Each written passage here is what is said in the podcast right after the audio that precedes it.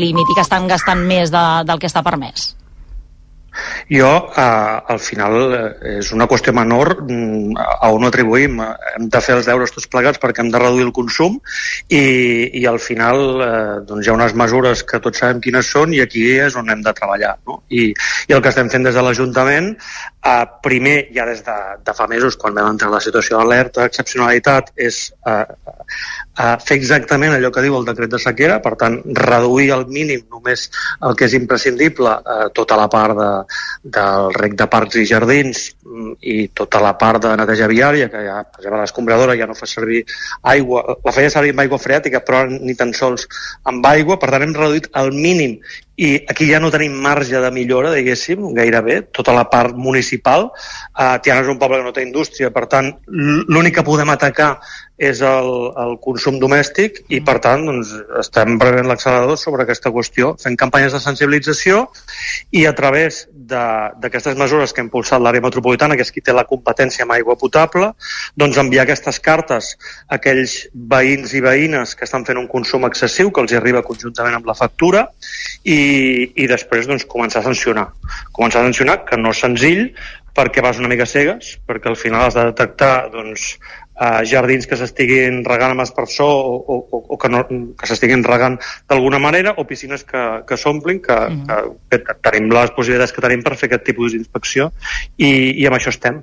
Això encara no ho, no ho teniu detectat, eh? Si hi ha veïns que estan fent aquest rec que no es pot fer, perquè l'AMB avui també eh, ha plantejat això, començar a, a sancionar aquestes conductes eh, inadequades, i això va des d'omplir piscines privades, de regar els jardins particulars, també rentar vehicles mm, fora dels espais que estan habilitats. Això ho heu detectat, algunes conductes d'aquestes, des de l'Ajuntament?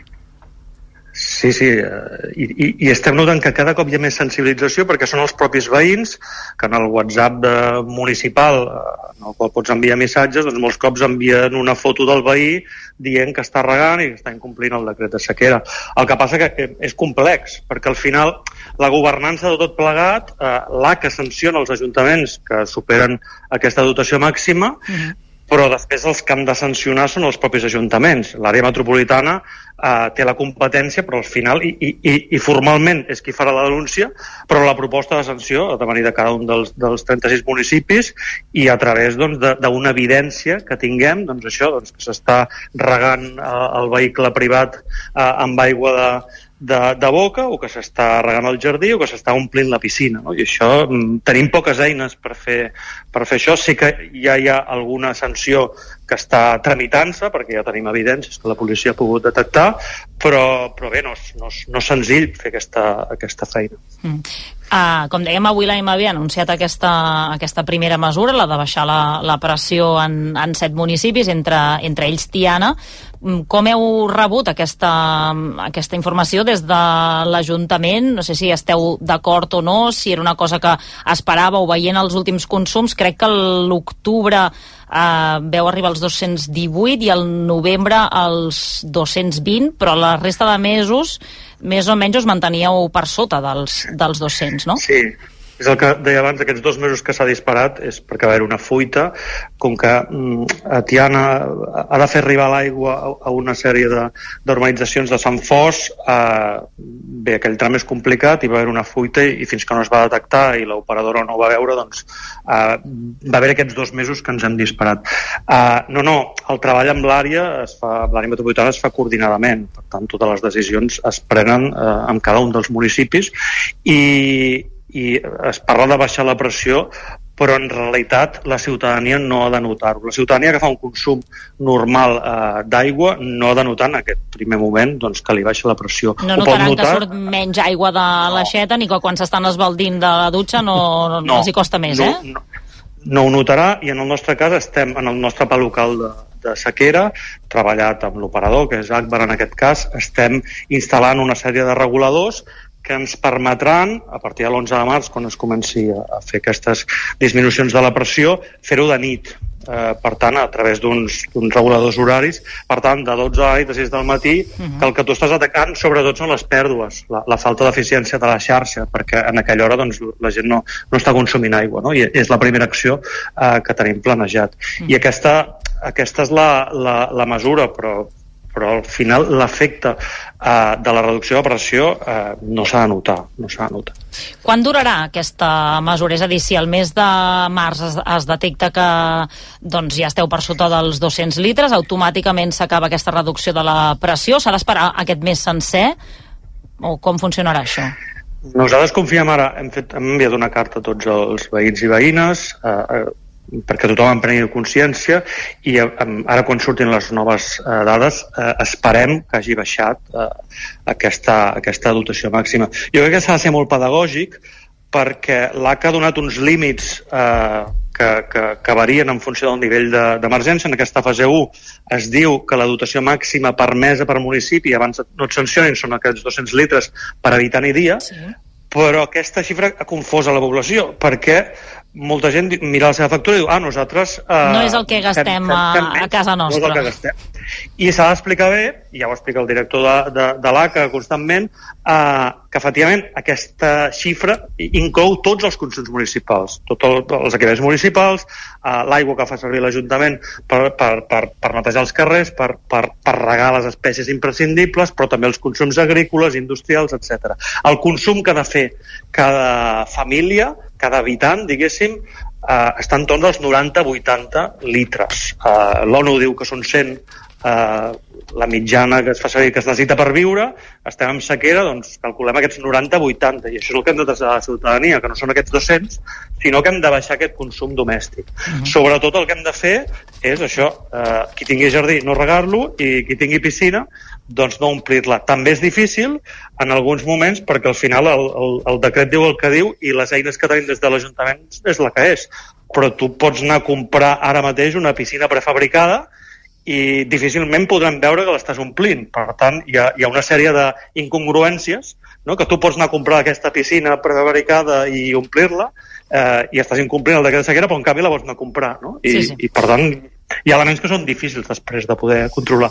Mm. Per tant, a partir de l'11 de març, sí o sí, eh, independentment de les xifres que donin aquest mes de febrer, s'aplicarà aquesta reducció de la pressió a Tiana, eh?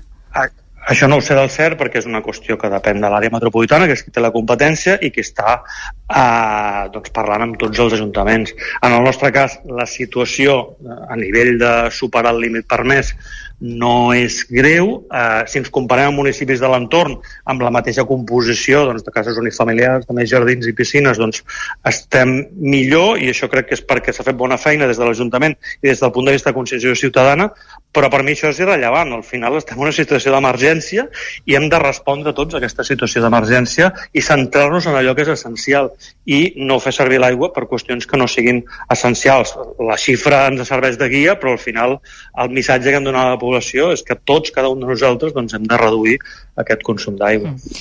Isaac Salvatierra, alcalde de Tiana, moltíssimes gràcies per atendre'ns avui al nou c de rac Que vagi bé. Molt bona nit. Adéu. Bona nit. Digues, Abel, no, s'ha d'estar tranquil perquè no notareu que baixa la, sí, no, la pressió de l'aigua. Jo, en el meu cas, mira, vaig, vaig, uh, vaig encara com a mitjans del segle passat, vaig amb, amb aforament a aigua a casa, anem amb, un, amb uns dipòsits d'aigua, uh, llavors nosaltres paguem un dineral Sí, que tu no paties, consumim el que consumim. Vull dir que això també és una cosa anacrònica que s'hauria de solucionar en el nostre cas, a la nostra finca. Uh, doncs em consta que estan ja mirant-se el pressupost per posar comptadors d'aigua mm -hmm. i veure el que consumim i, i pagar el que consumim, no? Això, aquest dineral que paguem. Uh, I això és una cosa que crec que s'hauria de solucionar i que segur que hi ha encara molt, molt, molts pobles que, que ens trobem en, en, en aquest cas. No, jo que anar comentant en referència al que deia l'Isaac, que el, el, el senyor Salvatierra, perdó, som amics i clar, em, em, em surt aquesta familiaritat veritat, no. company també d'aquí. company també d'aquí. Exacte. No, el senyor Salvatierra comentava que eh, això dels 80-90 litres eh, per persona, que seria el consum eh, individual, però és que a més a més, i ho hem comentat també un dia aquí, aquí al Nou C, ja no és només el que consumeixes a, a casa, sinó és el que consumeixes si vas a, a un bar i vas al lavabo, si estàs a la feina, si quan es rentes les dents a la feina, mm -hmm. vull dir que és, o quan vas al gimnàs i et dutxes, vull dir que no és només el que tu vegis que consumeixes a casa. Això és un dels temes precisament que, que us volia posar sobre la taula, això que deia l'alcalde de, de Tiana, que és veritat que molta gent, malgrat aquesta situació de sequera fa mesos que dura i que se n'està parlant molt, que hi ha aquests mm, conceptes que potser encara no estan del tot clars i que caldria, per tant, més pedagogia, perquè si tu mires la teva factura de, de l'aigua i veus que gastes 60 litres a casa teva, sí, doncs dius, doncs potser però, jo estic fent bé i no em passo d'aquests 200, no? Certament hem de fer aquesta pedagogia i s'haurà de continuar fent els pròxims mesos si l'evolució és la que és, però, però estaria bé que aquesta pedagogia no la fem quan hi ha una situació de crisi absoluta en la qual estem als límits i que, per tant, ens veiem, es veu obligat tothom a prendre decisions, sinó que fos un, si fos un acte de consciència col·lectiva sempre, perquè, perquè al final, si, si s'haguessin pres mesures abans, si, alguna, si aquesta part de consciència s'hagués fet, abans, probablement en alguns municipis no estarien en aquests... potser no haguessin arribat en aquests llindars. És a dir, que no només depèn del consum, repeteixo que no només depèn del consum de, individual, perquè hi ha moltes altres coses a nivell logístic i infraestructures que cal solucionar, eh? però, però que aquesta consciència no es pot fer només en la situació de últim, no? gairebé és com l'últim esglau que tenim per Tam També amb, amb els pantans plens, vols dir, no? Exacte. Que tinguem aquesta consciència també amb els pantans plens. A veure, jo crec que hi ha una premissa, és potser hem de començar a assumir, sense que sigui catastròfic, que és que no hi ha aigua per tothom i que, per tant, cal que eh, analitzem les prioritats de producció i de consum d'aigua que existeixen ja no en la ciutadania, sinó en general en el país, i a partir d'aquí establir quines són, no? quines prioritats realment volem, i el que és evident és que els últims en pagar les conseqüències hauria de ser la ciutadania. Hi ha altres elements pel mig que hauríem de poder mm. abordar abans d'arribar a les situacions que s'estan arribant, perquè eh, el cànon de l'aigua puja, però hem de recordar que Aigües Ter Llobregat també va establir un augment del preu del 33% de l'aigua, per tant, és a dir, les veïnes, o sigui, la ciutadania serem les que estarem pagant les infraestructures, les noves desalinitzadores, tota una sèrie d'elements eh, que és el que ara s'està fent a, a marxes forçades, que tampoc estaran per d'aquí dos mesos, no? en plena sequera, per seguir fent el que estem fent amb un alt cost eh, energètic que té la producció eh, d'aigua o la desalinització mm. de l'aigua i que per tant aquí hi ha un, un element que o s'aborda d'arrel o l'aigua pues, seguirà tenint un preu més car per eh, tenint en compte que hauria de ser un bé comú no? i no ser un, un, un bé que, que es faciliti per, pel negoci. En podem parlar, eh, del cànon, perquè dèiem, després en parlarem. Doncs ja ha arribat després, com dèiem, que la Generalitat està preparant aquest augment del cànon un 30%. De mitjana sembla que les famílies això el suposarà entre 2 i 4 euros més al mes a, a les factures, però vaja, que és un augment que ja se suma a d'altres que, que hi ha hagut aquests darrers anys, també. Bueno, doncs parlant de pedagogia, mira, a part Has portat la factura de l'aigua, sí, sí, sí. Silva? No, però ara t'explico, mira. Primer, primer el que recordava abans la, la Magda, si, si no m'equivoco, sobre l'aigua que es perd, que això sí, és una cosa que anem parlant cada vegada vegada que surt el tema, però sí, no veig que construïm infraestructures però les, no les mantenim les que tenim. És eh? fantàstic, o sigui, canonades d'aquestes que van perdent sí. aigua diàriament i, i ara ens reclamen. Ara s'ha començat a posar remei aquella canonada, si no m'equivoco, sí, de, de Badalona, però no sí. estarà arreglat fins al mes de setembre. Sí, i que fa quants anys de cada aquesta canonada de Badalona, mm -hmm. molt bé. I ara ara anem a la pedagogia perquè quan m'heu avisat de que vingués avui, resulta que avui portava la factura de, de l'aigua del darrer trimestre, val? i la porto aquí, l'acabo d'ensenyar a la Bel. Eh, el consum d'aigua a casa meva el darrer trimestre, que som normalment tres persones, és de 31 metres cúbics, d'acord? Això, el cost d'aquest consum d'aigua són exactament 23 euros. La factura aquesta, la, la, la, el consum, o sigui, el total de la factura amb impostos eh, de l'Ajuntament, de l'àrea metropolitana, el cànon aquest, és de 120 euros. Jo, jo, a casa meva, mm, ho podem assumir val? O sigui, em sembla una barbaritat, però ho podem assumir. Jo no entenc com Quatre gent... persones, això, eh? Tres persones. Tres. Jo no entenc com, com hi ha gent que pot pagar això. No ho entenc. O sigui, amb determinats sous i en, segons quines condicions, i que a sobre ara li facin responsable perquè una part de la responsabilitat recau sobre aquest augment del 30% del cànon, de que encara que siguin 2, 4 o 5 euros sobre el que ja estem pagant d'impostos, perquè és que jo crec que no hi ha cap país d'Europa on passi això, on el consum d'aigua siguin eh, 30, 20, 23 euros, 23 euros, perquè després està el, la quota de servei, que és fixa, que són 30 mm -hmm. més, mhm. vale? però és que menys del 50% i la resta són tot impostos, és a dir, el 60% de la factura són impostos i, el, i la quota de servei que és fixa. I el consum d'aigua són 25 euros, que és menys d'un 20% de la factura. O sigui, això és una barbaritat.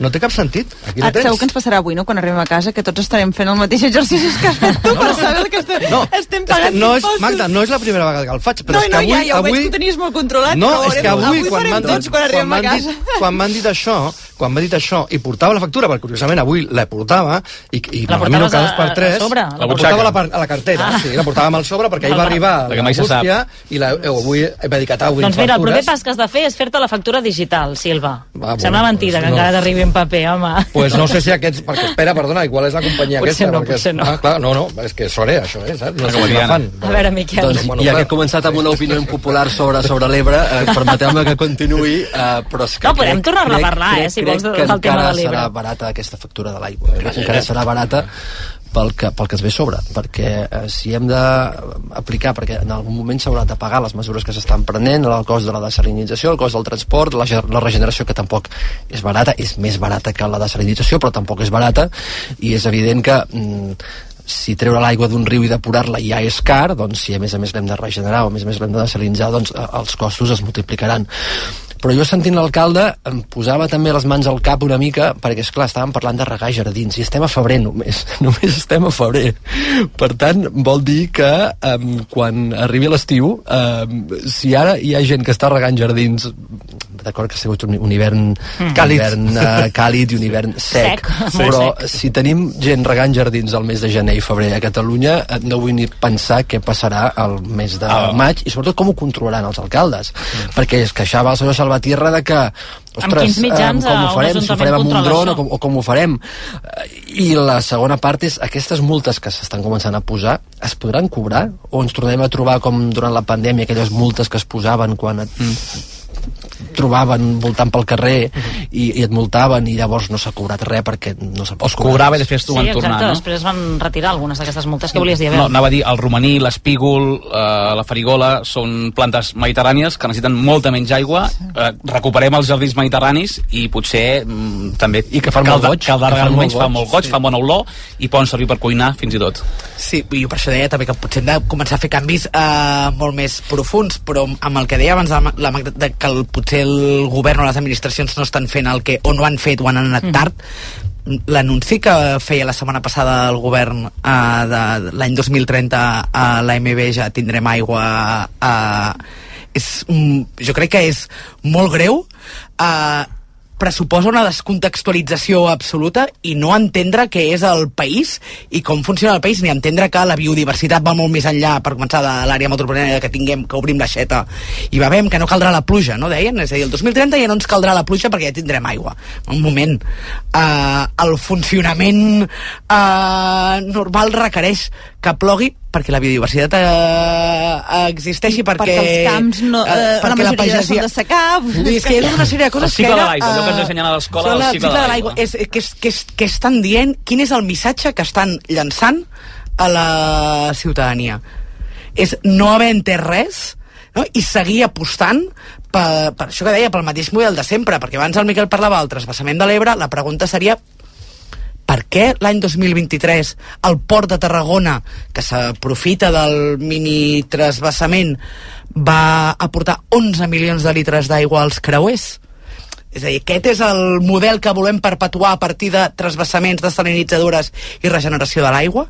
Molt probablement el canvi o el plantejament ha de ser diferent perquè mentre passa això li estem dient a la ciutadania que eh, perdrà la pressió de l'aigua a casa en alguns municipis que ha de començar a plantejar-se això de dutxar-se al gimnàs no? és a dir, paga la ciutadania i en canvi no? hi ha una sèrie d'indústria que no produeix béns essencials que segueix tenint la barra lliure de Sí, però sempre. aquesta indústria aporta algun tipus de bé essencial en forma de llocs de treball per molta gent que els consideren essencials. És veritat que el monocultiu turístic eh, crec que no s'hi pot ni s'hi ha d'estar a favor perquè porta al desastre més absolut. Qualsevol monocultiu econòmic i el turístic més perquè és una indústria d'escàs valor afegit però um, centrar-ho en el turisme o només en el turisme com a vegades hi ha la temptació de fer crec que és un risc perquè realment molta, molta, molta gent d'aquest país... Sobretot, perdoneu, eh? Curiosament, Sí, és sí. l'únic, és de les poques indústries que no està tenint cap tipus de restricció amb el consum Clar, ah, perquè- d'aigua mentre la ciutadania els té, mentre la pagesia els té, la ramaderia els té. Clar, però saps, que, saps què passa? Que, que tornem a estar en el curt termini, perquè molt bé, podem plantejar alternatives al turisme, però les alternatives al turisme no seran per demà. És a dir, que si ara eliminéssim, bé, per exemple, tot l'aigua que es dedica als creuers, marxarien els creuers, molt bé. I quina és la font alternativa dels ingressos que representen els creuers? La segona, la segona part és una altra cosa que jo trobo una gran contradicció, que és molt bé, eh, el, el Miguel plan- plantejava el tema de l'Ebre que des de fa molts anys ef- efectivament és com una espècie de tabú però a mi em sembla encara més surrealista que agafem la mateixa aigua que va al mar una mica més a baix, a Sagunt, la, la desanalitzem i la portem amb, amb vaixells cap aquí. O sigui, és que, eh, o sigui, això no és cap mena de planificació, és una bogeria. O sigui, si, si tu penses, dius, és una bogeria. O sigui, o decidim una cosa o una altra, decidim un model econòmic o decidim un altre. Però a partir del model econòmic que tenim, aleshores decidim quin consum d'aigua necessitem. és que estàs partint de que s'està decidint un model No, no, econòmic no a, a, en un moment de... No, no, bueno, o no, no, o sigui, no, no, estic però és que el partint de problema que no està hi aquí, és. exacte, el problema està aquí, és, és aquesta improvisació a l'hora de fer polítiques que et fa que acabis prenent decisions a darrera hora i que, et fan, que no et plantegis quin canvi de cicle hem de tenir en aquest país per afrontar eh, els problemes que seran cada cop més habituals, que serà l'escassetat de l'aigua lligat, evidentment, a un canvi climàtic que portarà altres conseqüències, no?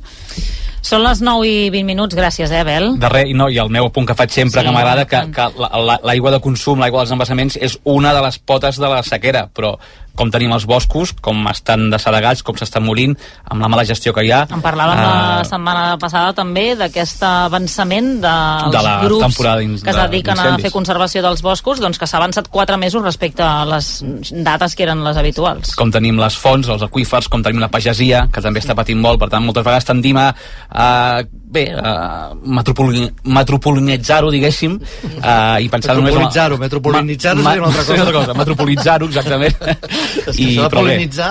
Sí, exacte. Però en tot cas això, que la pregunta que hi ha de ha plogut o no havia de ploure, no, és que ha de ploure tot arreu, no només a les capçaleres dels rius. Gràcies, Abel, ha quedat clar. Que vagi bé. Vagi bé. Una pausa i ara de seguida parlarem també d'un altre tema que té una certa relació amb la sequera, que són aquestes protestes dels pagesos que de moment ja han anunciat que es mantenen de forma indefinida. RAC 1 ¿Te compraste un coche entre 2006 y 2013? Igual tú no, pero seguro que tu hermana, un primo, un vecino o una amiga, sí, porque fueron millones de personas las que pagaron de más por el cártel de coches. Ahora con OCU pueden reclamar su dinero, más del 10% del valor de su coche, aunque ya no lo tengan. Diles que entren en ultimomodelo.com. Reclama tu dinero con OCU. Vida. Risc. Cobert. És molt senzill assegurar-se amb el Betia. Simple, clar, el Betia. Comença el dia amb molta energia a Basic Fit, a casa o al gimnàs de la cantonada. Apunta-t'hi ara. Gaudeix de 4 setmanes extra i emporta't una motxilla. Senta't bé i fes del fitness el teu bàsic. Demà és l'últim dia. Basic Fit. O Cafè Mio. Gourmet La Vanguardia et porta a casa l'autèntic cafè italià amb la màquina S Cafè. Una cafetera única amb un kit de degustació de 18 càpsules i 6 tasses de disseny per només 89 euros. Comença a gaudir de l'aroma del veritable espresso a gourmetlavanguardia.com RAC 1 Tots som 1 RAC 1 Cada matí el món et desperta. Són les 6 del matí. Bon dia, Catalunya. Cada matí el món t'informa. Abans els apunts imprescindibles per anar pel món. I avui canvia el temps, baixen les temperatures i ja. pel que fa al trànsit, més enllà de les retencions habituals... Cada matí el món és allà on passen les coses. Perdó, tenim la sentència d'Alves. Marc Poyato. Sí, ja ho tenim. L'Audiència de Barcelona condemna a Dani Alves. Cada matí el món t'acompanya. Ole, Cristina Puig. Puig. Ui, Puig! El diàleg va. El diàleg va. El món a RAC1. El programa de ràdio més escoltat de Catalunya. Cada matí, de 6 a 12, amb Jordi Basté. RAC1. Tots som 1. A RAC1, no ho sé, amb Anna Ballonesta.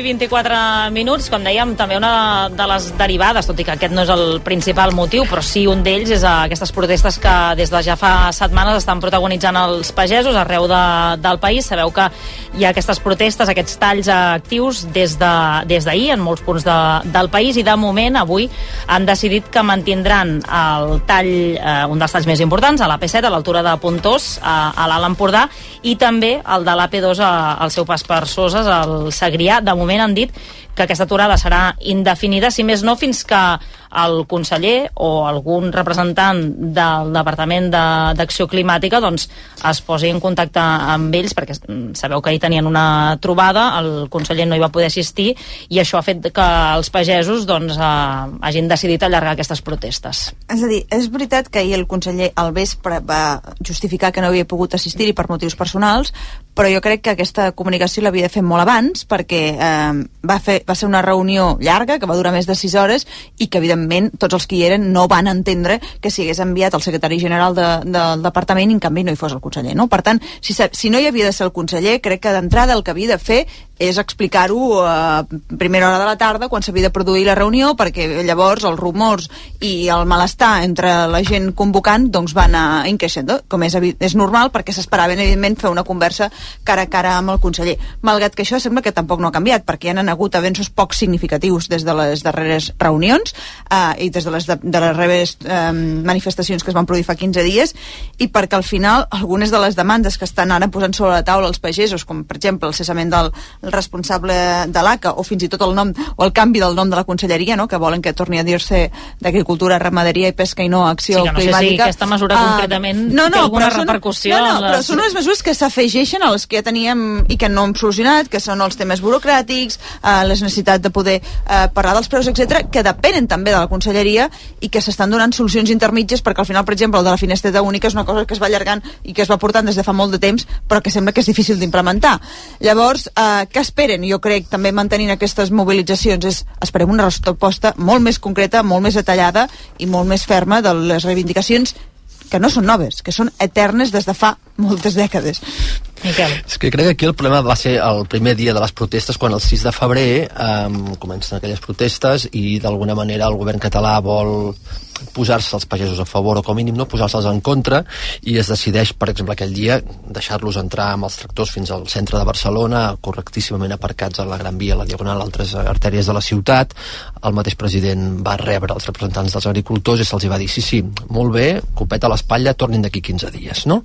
Um, D'alguna manera allà el govern va voler, no volia obrir un nou front, ja en tenia molts oberts i, i, i va dir aquest, aquest, no, aquest no ens convé i menys un any de les eleccions o el que sigui uh, però d'alguna manera jo crec que allà va donar una falsa sensació de que això s'ho arreglarem això s'ho arreglarem sí. i són problemes que no es poden arreglar tan fàcilment sobretot els de les restriccions d'aigua tornant a l'aigua no? però és que si un sector que gasta entre el 75 i el 80% de l'aigua que es gasta a Catalunya si s'ha de fer una reducció global de, important del consum d'aigua és evident que els hi tocarà una part molt important i que, i que els afectarà moltíssim no?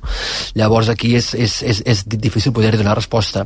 I la finestreta única és com aquests unicorns que, que tothom diu que existeix però mai ningú l'ha vist a la finestreta única. A l'administració la, em refereixo. Eulàlia. No, diria, o sigui, entre moltes altres coses o sigui, un, una de les coses que expressava la pagesia quan va començar les mobilitzacions era que mai ningú els ha escoltat no? i que volien ser escoltats. I jo sí que crec que el govern va pensar que amb l'escenificació de rebre'ls a Palau, etc així ja els tenia calmats i no va calibrar que com que fa molt temps que dura això, el cabreig és important i la necessitat de respostes no? és, és clau, perquè és això, pues, l'aigua, la crisi, etc han, han, han anat sumant-se una cosa rere l'altra i per tant, que ara els pagesos doncs, no? és una mica veu dir que ens contestaríeu, no? doncs contesteu ja i en aquest sentit amb, amb, amb la pagesia es vincula una mica amb el que sortia abans o parlàvem abans de l'aigua. És evident que els canvis no es fan d'un dia per l'altre, però que cal planificació, cal no improvisar tampoc amb la... Sigui, s'improvisa amb l'aigua, s'improvisa amb la pagesia i no es tracta d'anar posant pedassos eh, elements que, es, que són estructurals i que ara peten per un costat, ara surt per l'altre. Cal planificar i cal pensar on volem estar d'aquí 10 anys i a partir d'aquí eh, anar posant-la o, o, o avançant les mesures pertinents.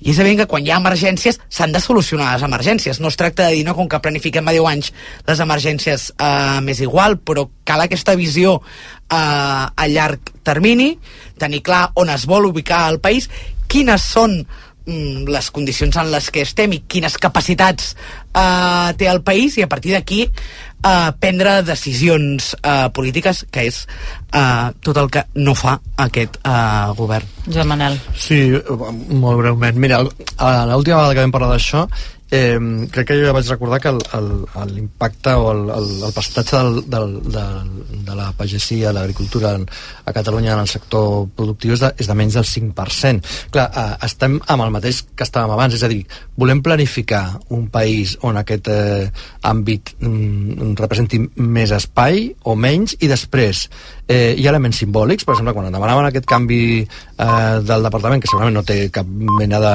transcendència, doncs és que estan, estan reclamant una certa tensió, que és aquesta tensió que efectivament van demanar fa, fa uns dies, semblava que eh, havien aturat el cop des de, des de la responsabilitat política i, i això no, no crec que estigui resolt ni acabat, tot i que també és veritat que hi ha moltes de les respostes o de les eh, qüestions que reclamen que depenen mm, d'altres instàncies com d'Europa o, de, o de, del, propi, del, del propi govern de l'Estat de l'Estat a, a Però... tot Espanya. I, I finalment, perdona, no, i finalment eh, el tema de la sequera és veritat que hauran de rebre segurament una part, però també és veritat que el, el, que, el que ells pateixen respecte a les restriccions d'aigua acaba repercutint un altre cop també en els ciutadans, perquè no deixa de ser consum dels productes que ells fan, no? I això, al final també són preus, perquè és un tema d'oferta i demanda, per tant, estem en un cercle que hem de saber una mica, doncs aquí eh, aquí s'ha de castigar més i aquí s'ha de castigar menys, i, i, i quina és la conseqüència de castigar segons quins sectors perquè la repercussió que tingui aquest càstig eh, va més enllà del sector en si mateix, no? Ah, dues coses. Dic que, que evidentment hi ha, hi ha instàncies del govern espanyol i europees que han de donar resposta, però això hi estic d'acord, però seria una manera també de tirar la pilota fora no, no, no, govern de la Generalitat, no. perquè el govern de la Generalitat té capacitat i té competències per fer, de, és a dir, per solucionar alguns dels problemes que estan posant els pagesos sobre la taula. D'entrada, perquè el primer contacte que té un ramader o un agricultor amb l'administració pública és justament amb les oficines comarcals que té el Departament d'Acció Climàtica en, en, en, en qualsevol comarca d'aquest país. Per tant, és la primera finestra que es troba un, un agricultor o un ramader i aquí això és competència directa del govern de la Generalitat. Magda, tu ens deies el dia de les protestes que tenies familiars que sí. estaven participant directament en aquestes sí, sí. protestes. Vull dir que I també que coneixes de prop. Sí, no, no, però vull dir que, que al final és una manera de tirar les pilotes sopar, fora. Avui, no? sí, això va, va per llarg, sembla. però, però que aquí hi ha, és a dir, que el govern de la Generalitat té competències per això. I després una altra cosa que deies, el percentatge que hi ha en aquest país, sí, clar, perquè quin incentiu té no, no, un jove agricultor per, quedar, per, per no, participar d'aquest sector? Cap, és a dir, no en té cap, cap, perquè les facilitats no són cap, al contrari, és a dir, es només veu que entre bancs, llavors els que es queden són perquè per, per una cosa gairebé diria generacional i de valor a la terra, etc decideix fer, assumint, evidentment, tots els entrenaments que es trobarà, però no té cap, cap tipus d'incentiu, perquè saben, sap que l'ofegarà la burocràcia, que els preus eh, no s'ajustaran a les necessitats, etc. Per tant, no hi ha cap incentiu, és a dir, tampoc no s'està fent res una mica això, com a per poder mantenir això. Que sembla un sector en extinció, saps què vull dir? Que, que podria acabar ah, extingint-se, perquè... perquè si no hi ha continuïtat, evidentment això es quedarà... I una de les demandes que pot semblar un punt exòtica, que era aquesta de canviar-li el nom a la conselleria, i que ara dius, ostres, això què ve? Doncs això és un, un debat, inclús intern, que hi ha dintre de la mateixa conselleria. Hi ha una autèntica guerra de tècnics i de càrrecs intermitjos en el Departament d'Acció Climàtica, o que abans es deia d'ARP, Agricultura, Ramaderia i, i pesca. pesca. Pesca eh, autèntiques batalles, inclús culturals, perquè venen de tradicions polítiques diferents, una ve de, dels, de la pagesia, que s'ha de poder treure rendiment de, dels camps i les coses s'han fet sempre d'una manera i canviar-les costa molt, no dic que no es puguin canviar, dic que costa molt de canviar, altres doncs, que són, diguem ambientalistes i que tenen una cultura política diferent. Sí.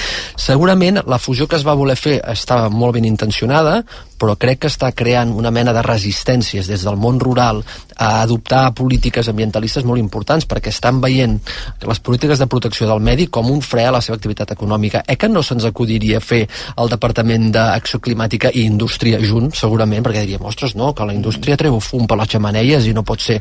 Doncs bé, resulta que la pagesia també produeix residus, com és normal, com qualsevol activitat econòmica, i se sent atacada, se sent atacada per aquesta denominació. Bueno, jo crec que aquest és el pa- part del problema. És a dir, la pagesia es queixa de, de, de no atenció durant molts anys, no és només eh, responsabilitat d'aquest eh, govern, i que la conselleria tingui aquest nom, eh, jo crec que ni convenç als defensors eh, de que existeixi una conselleria d'acció climàtica a Catalunya, ni convenç els pagesos, perquè és una mica, no, allò de, com que tot és verd, pues, uh, ho posem junt. Se- Sembla una mica... O sigui, sí, sí. no té cap mena de sentit... A sobre no és verd, perquè no plou, ara no és verd. Uh, acció climàtica amb agricultura, ramaderia i pesca, perquè a més a més és agricultura, ramaderia i, i pesca, i, i això forma part de, dels equilibris en el seu moment de repartiment de conselleries d'un govern de coalició entre Esquerra i Junts de a tu te'n toquen tantes i a tu tantes i per tant aquesta la fusiono però que jo entenc que la pagesia estigui en contra o no se senti del tot representada però és que ni el moviment en contra de l'emergència climàtica o que ha defensat i que porta anys el moviment ecologista defensant que hi hagi una conselleria eh, d'acció climàtica estava contenta amb, eh, eh, amb això. Per tant que tampoc ningú està content És que segurament acció climàtica o medi ambient o com vulguem dir hauria d'estar potser escrit al Departament de Presidència que fes polítiques transversals de tots els àmbits i que no estigués a cap conselleria en concreta És que o bé, crec o, o bé una conselleria en govern, concreta eh? crec igual. recordant algun govern que s'havia posat això en el nom agricultura, ramaderia, pesca i, me, i medi ambient o acció, és a dir, que s'havia afegit això com una cosa més però dins de la conselleria com a tal I De totes maneres, això, perdoneu, per eh, tant, al marge de la, de la de distribució de competències, el que esteu explicant és molt interessant, perquè no deixa de ser una reflexió, tornem un altre cop, sobre si un govern que en aquests moments és monocolor, no? perquè no, no, no és, és només un partit, eh, quines prioritats té i quin model econòmic té i quan troba contradiccions, quina és la seva prioritat. Si un model econòmic que, pre, que, que preval determinades eh, eh, estructures o, o, o, o hi ha unes prioritats molt determinades i que quan hi ha un xoc entre la, entre la via més ecologista, més ecològica, no? i el món aquest de la pagesia i el món rural, doncs per qui es decanta? Perquè al final la política és prendre decisions, i prendre decisions sempre vol dir eh, anar cap a una banda i per tant descartar les altres, i això és el que sovint no saben fer els responsables polítics, que volen quedar bé amb tothom, i la política és decisió, i decisió vol dir, moltes vegades, doncs, haver d'escollir entre una via o una altra, no? En tot cas, aquestes protestes que, que de moment continuen de, de manera indefinida, és el que, el, que- el que han dit avui. No sé si creieu que això mm, tindrà molt de recorregut, perquè també comentàvem que la Generalitat doncs, mm, pot fer fins a un cert punt. No totes les demandes que fan els agricultors doncs, es poden satisfer des de, des de la Generalitat. Creieu que això s'allargarà Sí, fins que no hi hagi una resposta, almenys per part del govern, molt més ferma, jo crec que les, potser no es mantindran les protestes i els talls, com a, és a dir, els talls com a protesta, però que sí que hi haurà un rum-rum que continuarà sent-hi i uns pagesos manifestant-se i, i fent aturades eh, cada X setmanes, això continuarà sent-hi fins que no hi hagi una resposta molt més decidida per part del govern de la Generalitat. Alguna cosa més sobre aquest tema? Mm, Deixem... Doncs que segurament el conseller s'haurà d'implicar més a fons en aquesta negociació amb els pagesos perquè realment el que critiquen és que no hi hagi hagut una atenció directa per part seva i crec que les properes hores eh, li agradi més o li agradi menys hi haurà d'entrar-hi.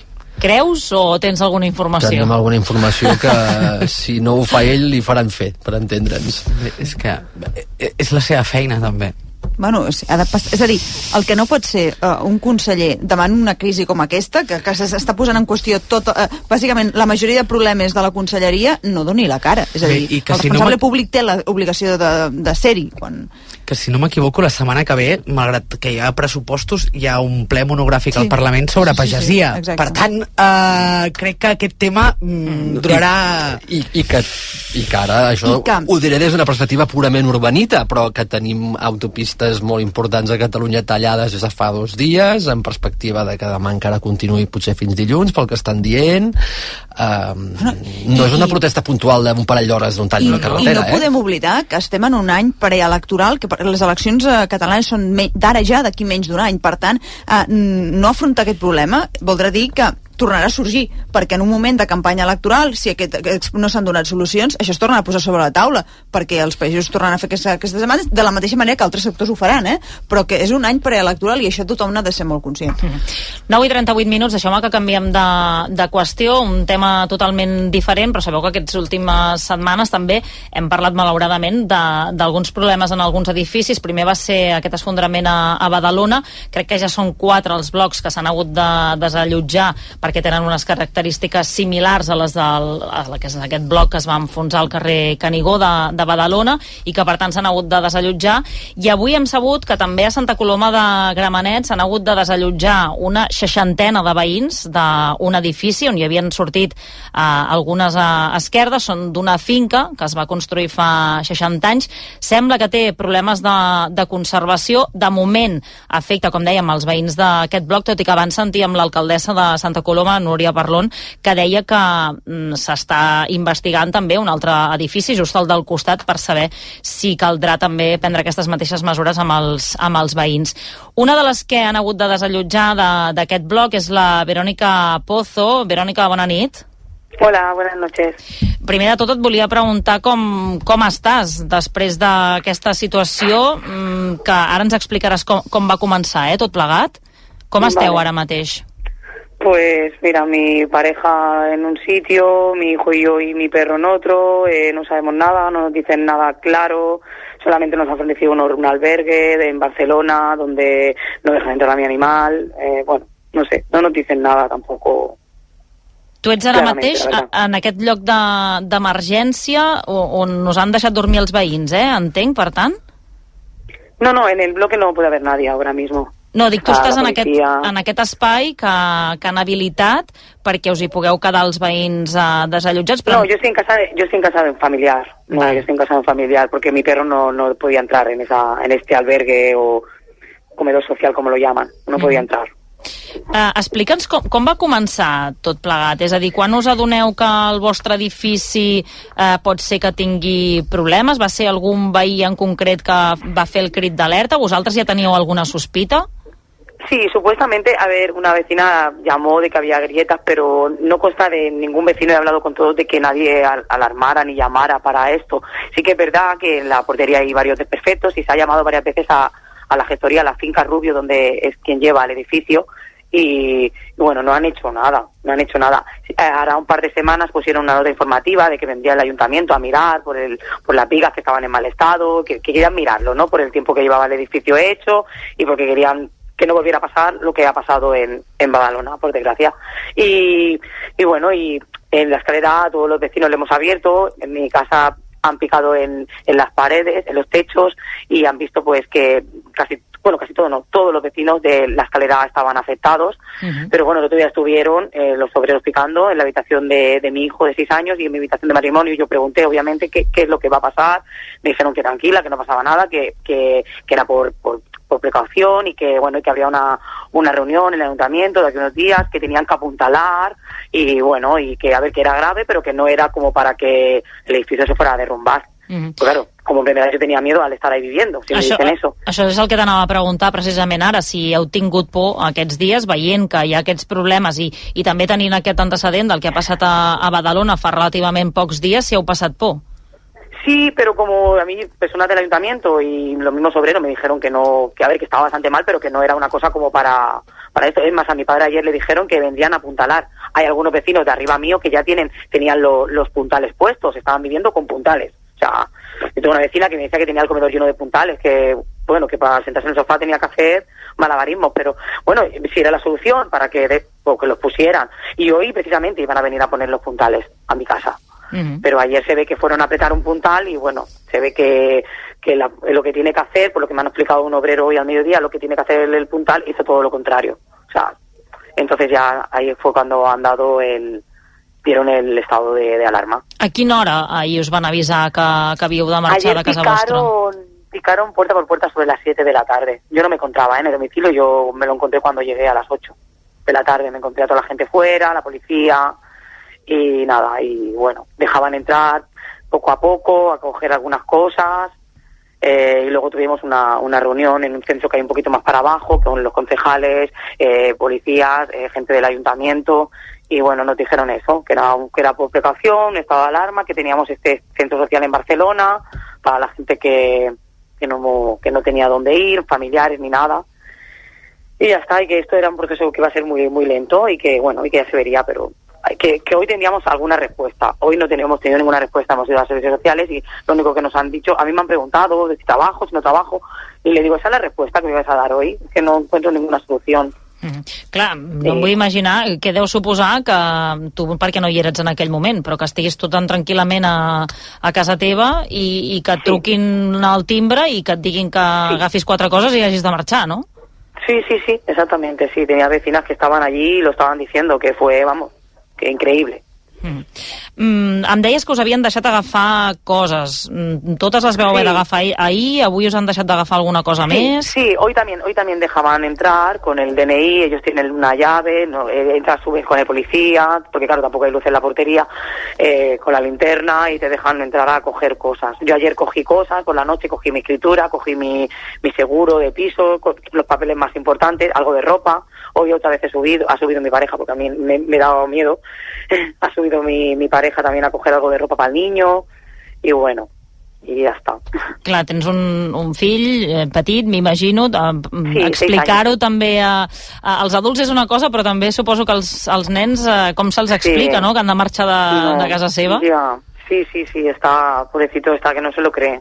Ahora mismo hace nada estaba llorando porque no, no ubica que su padre se tenga que ir a un sitio, no yo a otro. Claro, no todo el mundo tiene una cama, un, ¿sabes? Un sitio para demasiado que nos acogen, porque la verdad que allí un albergue con un comedor compartido, con habitaciones compartidas, mm, a ver, a mí de aquí unas horas me quitan el dinero cada, cada mes de mi hipoteca. ¿Entiendes? Lo que yo pago. Yo llevo 10 años viviendo en esta finca y a mí cada mes. No, no, no, a mí no, ¿sabes? Yo estoy pagando hipoteca, eh, no tengo ahora mismo un techo seguro y, y bueno, el seguro de mi, de mi piso tampoco se hace cargo, ¿eh? Dice que eso es un problema de la comunidad. Sobre això, l'Ajuntament no us ha dit res, o les asseguradores, no sé si us heu posat, us ha donat temps, m'imagino que no, eh, perquè és tot molt recent, us heu posat en contacte Sí. o us han assessorat d'alguna manera? El ayuntamiento lo único que ha dicho que a ellos también la pilla de sopetón, que ellos pues van por lo mismo que to- nos- yo y todos los propietarios y todos los que vivimos ahí, pues eso, una reunión para decirnos, pues mira, hay que hacer esto, hay que hacer aquello, hay que rehabilitarlo. Claro, que les ha venido muy de sopetón, entonces claro, que es esto, que lo único que han podido hacer es ponernos estos de, del, del sitio este en, en San Martín, en Barcelona, para que estemos ahí y que bueno, y que en unos días que, que se va a arreglar todo, no sé, no sé. Però que s'arreglarà tot vol dir que, que podreu, No, que es farà un reforç en aquest edifici que podreu tornar a casa vostra, o què vol no, dir? No, eso no, eso no. Eh, a mí me ha dicho un obrero que ha hablado con él que van a apuntalar todo y que entonces ahí cuando lo vean medianamente más seguro, pues podremos entrar a sacar más cosas pero que tendrá un peritaje y mirará el edificio y decidirá o si se puede rehabilitar, que a mí me ha dicho el obrero, me sabe muy mal decírtelo, eh, dice, pero va a ser que no, dice, porque seguramente que habrá que derribarlo. eh. Però tota la informació que tens és d'un operari que, està, que estava treballant ara aquí mateix, eh? Realmente- Sí, realmente sí, porque mm, los que han venido del ayuntamiento y todo no, no dicen, a ver, ¿sabes? A mí incluso, porque le he dicho yo, digo, y los que tenemos animales no podemos ir al, al albergue. Sí que es verdad que me han ofrecido un- el hotel de Santa Coloma, pero luego se han ido y a mí no me han vuelto a decir nada. ¿Sabes? Doncs um, aquesta és la, la situació que estan... Digues, Silva, que volies fer una pregunta. Marta, si la, i la comunitat no té assegurança? La vostra comunitat de veïns? Se, se supone que sí, que tiene asegurador, pero no sé, allí tampoco se ha presentado nada, ni nadie, ni de la gestoría que los lleva, ni que quien lleve la finca. Perquè la comunitat, o sigui, l'assegurança de la comunitat hauria d'assumir les despeses mentre estigueu Sí, fora. Eh? eso, eso es lo que han dicho mañana, que se van a intentar informar el ayuntamiento, van a hablar con la gestoría y a ver qué, qué pueden hacer. Es lo único. Doncs, eh, com dèiem, és una situació que està vivint en aquests moments eh, la Verònica, eh, una de les veïnes d'aquest edifici afectat a Santa Coloma de Gramenet, juntament amb una seixantena més de veïns que també estan en la mateixa situació i que, com dèiem abans, l'alcaldessa ha dit aquesta tarda que no descarten que pugui passar el mateix també amb, amb el bloc del costat. Verònica, crec que tu vius al número 9 i podria ser que també estigués afectat al número 11, oi? Sí, porque es el mismo edificio, lo único que eh, hay vecinos que, mm, pues, pues mira, pues no han abierto, en, habrán puesto la misma nota informativa, pero no han abierto, porque no están en casa, están trabajando, porque mira, y entonces no han podido hacer el papel conforme los pisos que están afectados. ¿sabes? Pero sí, sí, eh, han abierto, el, el bajo lo han mirado que es un- y está muy afectado. Pero claro, no tienen para poder hacer los demás. Si no han abierto, no pueden picar las paredes, no pueden verificarlo. Pero sí, no descartan que mañana o como mucho pasado ya estén fuera también. Verònica, moltíssimes gràcies i que tingueu molta sort. Que vagi bé, una Moltes abraçada. gràcies. Bona nit. Gracias, buenas noches. Bé, algun comentari sobre aquesta situació? A mi em sorprèn que no hi hagi hagut algú més que davant d'una situació tan delicada com aquesta no els pugui doncs, reunir a tots i donar una certa tranquil·litat en donades les circumstàncies del que està passant. No? És que, sense que hi hagi hagut en aquest cas una tragèdia pel mig, per sort, perquè no estem parlant de víctimes mortals, però és que s'està semblant cada cop més el que va passar a Badalona. El que ens expliquen aquests dies aquestes 60 i pico famílies de Badalona és que en aquests primers 20 dies de crisi, perquè ja fa 20 dies que estan fora de casa, no han vist cap representant o cap alt càrrec, diguem-ne, de la Generalitat que s'hagi acostat allà. Jo em pregunto, jo sé que les administracions no poden resoldre tota la vida, eh? no, no, no sóc tan naïf en aquest sentit, però sí que esperes una mínim de sensibilitat i sobretot quan compares amb altres situacions, amb altres casos, és a dir, en el cas de Badalona no se'ls ha ofert res més que dues o tres nits d'hotel barra alberg, ara estàvem sentint la, Mm. Habitacions eh, que havien de compartides, que compartir clar, per una situació eh, concreta d'emergència, però si això s'ha d'allargar... És, és a dir, com pot ser que només se'ls hagi pogut oferir això? En el cas de Badalona porten més de 20 dies fora de casa, per sort, o tots han hagut d'anar o han anat a casa de familiars o, o amics, molt poca gent està en aquests albergs, és normal amb la situació que descrivia ara, ara mateix ella, però és que crec que hem de ser una mica més exigent amb amb les administracions. També perquè al final és probable que potser l'administració hi ha algunes coses que encara no pugui respondre, però com a mínim sí que s'espera que donis la cara. És a dir, de- d'explicar... És a dir, al final tenim eh, poca informació, també és una manera de donar tranquil·litat a les famílies, encara que sigui poca, a dir, sabem que es, es poden produir tots aquests escenaris i que farem, prendrem totes aquestes decisions, us podrem acompanyar en aquest procés. És a dir, si no tens cap tipus de, de, de, no, d'acompanyament, encara et sents més sol. Malgrat, mm, ja no és qüestió només d'informar, és qüestió d'acompanyar. És que, perdoneu només, eh?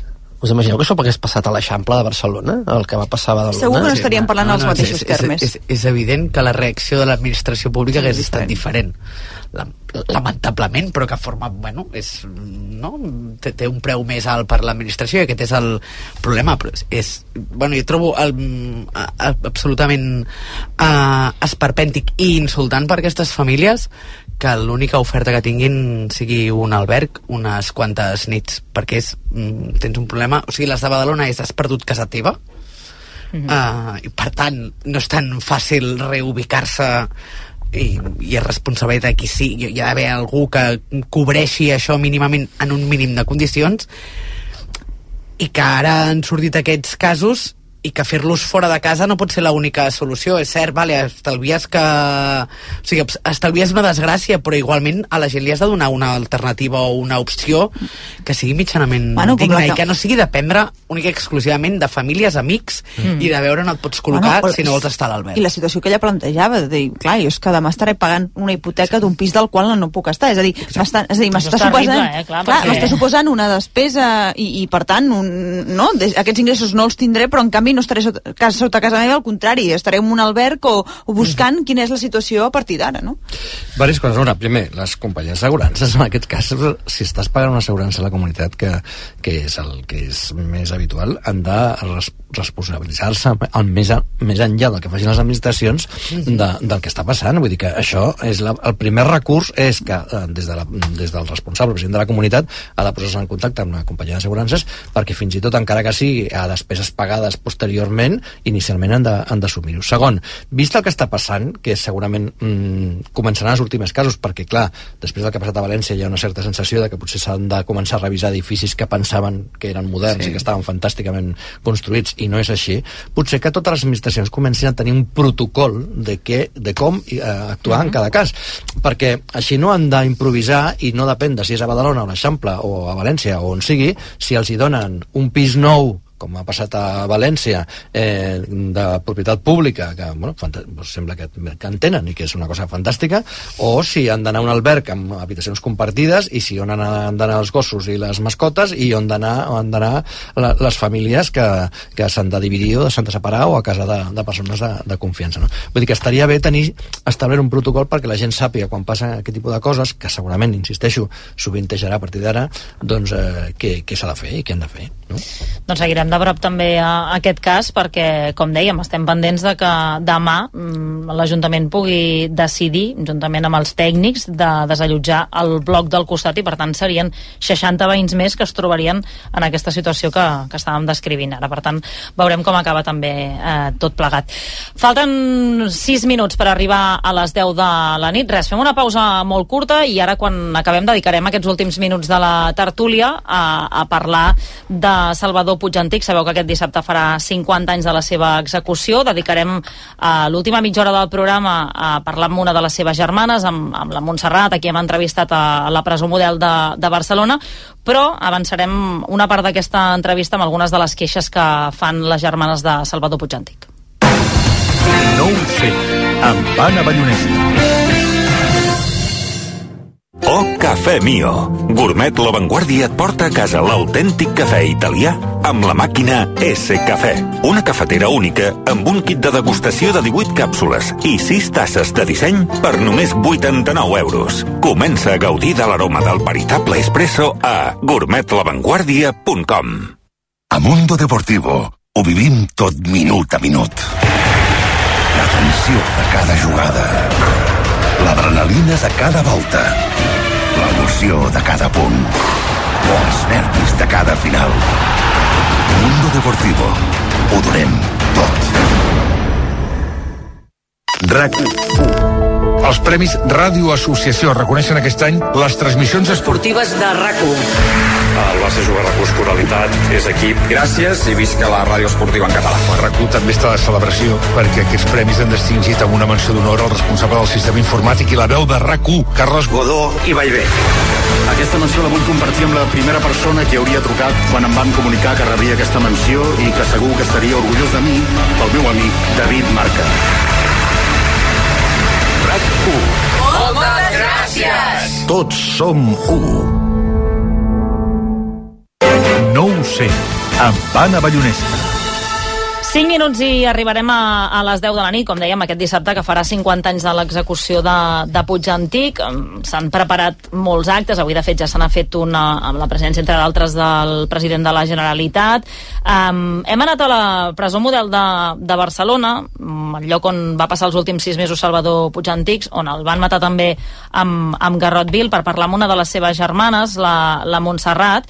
Eh, abans de res us volia preguntar, mm, Silva, tu te'n recordes a on eres que, Sí. quan van matar a Puig Antic? Pues mira, tinc, eh, un dels primers records de la meva preadolescència són unes pintades a, la, prop de la Bonanova perquè, eh, si no m'equivoco, després li preguntes, però el Salvador Puig Antic anava a la mateixa escola que, que vaig anar jo després eh, que em sembla que, que no sé si el van expulsar o va marxar o, o què va passar i recordo pintades en, en la darrera època del franquisme eh? Uh -huh. uh, allà a prop de la, de la Bonanova demanant o reclamant la, la llibertat de, de Puig Antic abans de la seva execució o sigui, és un record que tinc molt, molt clavat perquè clar, era, va ser de les dar no sé si la darrera Quants o de les darreres tu, l'any 74? Doncs, eh, el 74 tenia eh, 11, 12 12 anys mm -hmm. i tinc aquest record de, de veure això i de sentir parlar d'ell i, i en aquella època en què la informació no era massa accessible, diguem-ne, eh, bueno, arri- arribaven perquè, clar, el, el fet aquest dels darrers,